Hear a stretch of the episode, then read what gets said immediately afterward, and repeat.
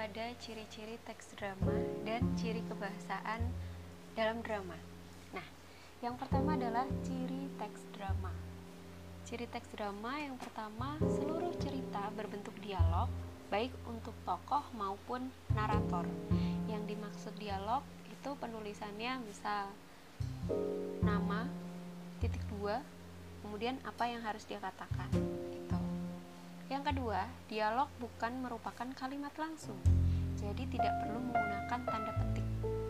Yang kita tahu, ketika kita menulis menggunakan tanda petik itu merupakan kalimat langsung. Nah, di dalam dialog itu bukan merupakan kalimat langsung. Jadi ketika kalian menulis teks drama tidak perlu menggunakan tanda petik. Tuh. Kemudian yang ketiga, Naskah drama dilengkapi petunjuk laku di bagian atas, kita kenal dengan istilah kramagung yang penulisannya dengan jenis huruf yang berbeda atau dicetak miring. Nah, kemudian naskah drama ini juga terdiri dari dialognya atau yang di, harus disampaikan oleh aktornya. Ini disebut wawancang. Kemudian ada ciri kebahasaan teks drama. Ciri kebahasaan yang pertama menggunakan kata ganti orang ketiga pada prolog dan epilog. Kemudian menggunakan kata ganti orang pertama dan kedua pada dialognya. Selanjutnya, banyak menggunakan kata yang menyatakan urutan waktu atau konjungsi kronologis.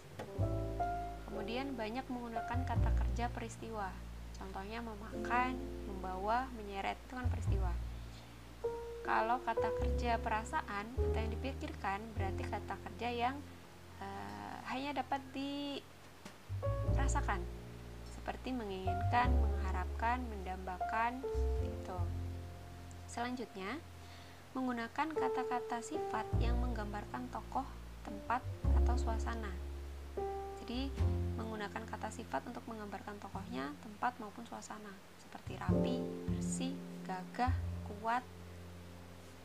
Selanjutnya, menggunakan kosa kata percakapan.